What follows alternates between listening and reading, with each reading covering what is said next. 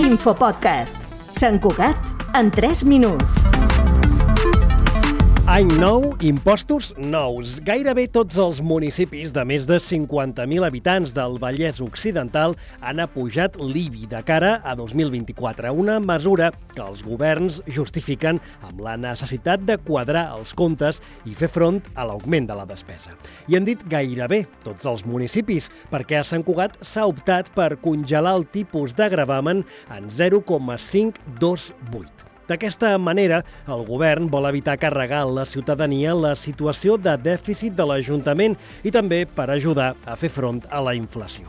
El ple municipal de desembre va aprovar definitivament la proposta d'ordenances fiscals del govern de Junts i Esquerra, amb el suport de Vox, les abstencions del PSC i el PP i la negativa de la CUP i en Comú Podem. Carles Brugaroles és el tinent d'alcaldia d'Economia i justificava així la congelació. El govern en, ens vàrem comprometre a mirar de no perjudicar la situació que creiem que és uh, greu, eh, que és, diguem que, que grava el, el, el dia a dia de moltes persones i famílies de la, del nostre municipi congelant la pressió fiscal.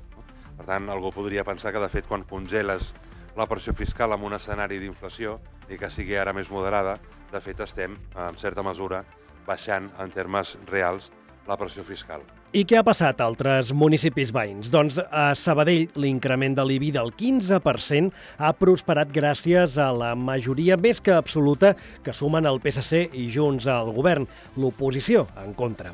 A Rubí, la proposta del govern socialista de pujada de l'IBI del 12% ha tirat endavant amb el suport d'Esquerra i la resta de l'oposició s'ha dividit entre l'abstenció i la negativa. En el cas de Terrassa, el govern a tres bandes que formen tot per Terrassa, Esquerra i Junts ha fet prosperar una iniciativa d'incrementar l'IBI un 3,5%, una iniciativa rebutjada per l'oposició. Un cas singular es troba a la capital catalana. A Barcelona, l'oposició en bloc ha tombat la proposta d'ordenances fiscals del govern socialista, que apostava per congelar l'IBI. Amb aquest fet queden exaurits els terminis i, per tant, s'han prorrogat els impostos de 2023. Així, a Sant Cugat es paga encara un dels IBIs més alts del país, amb una mitjana de 780 euros per immoble. Es tracta d'una mitjana que va de la mà del valor cadastral mitjà, 130.000 euros, que situa la ciutat al capdavant de Catalunya. Dit d'una altra manera, el fet que l'impost s'hagi congelat no fa que Sant Cugat deixi d'estar als llocs capdavanters del rànquing amb l'IBI més alt.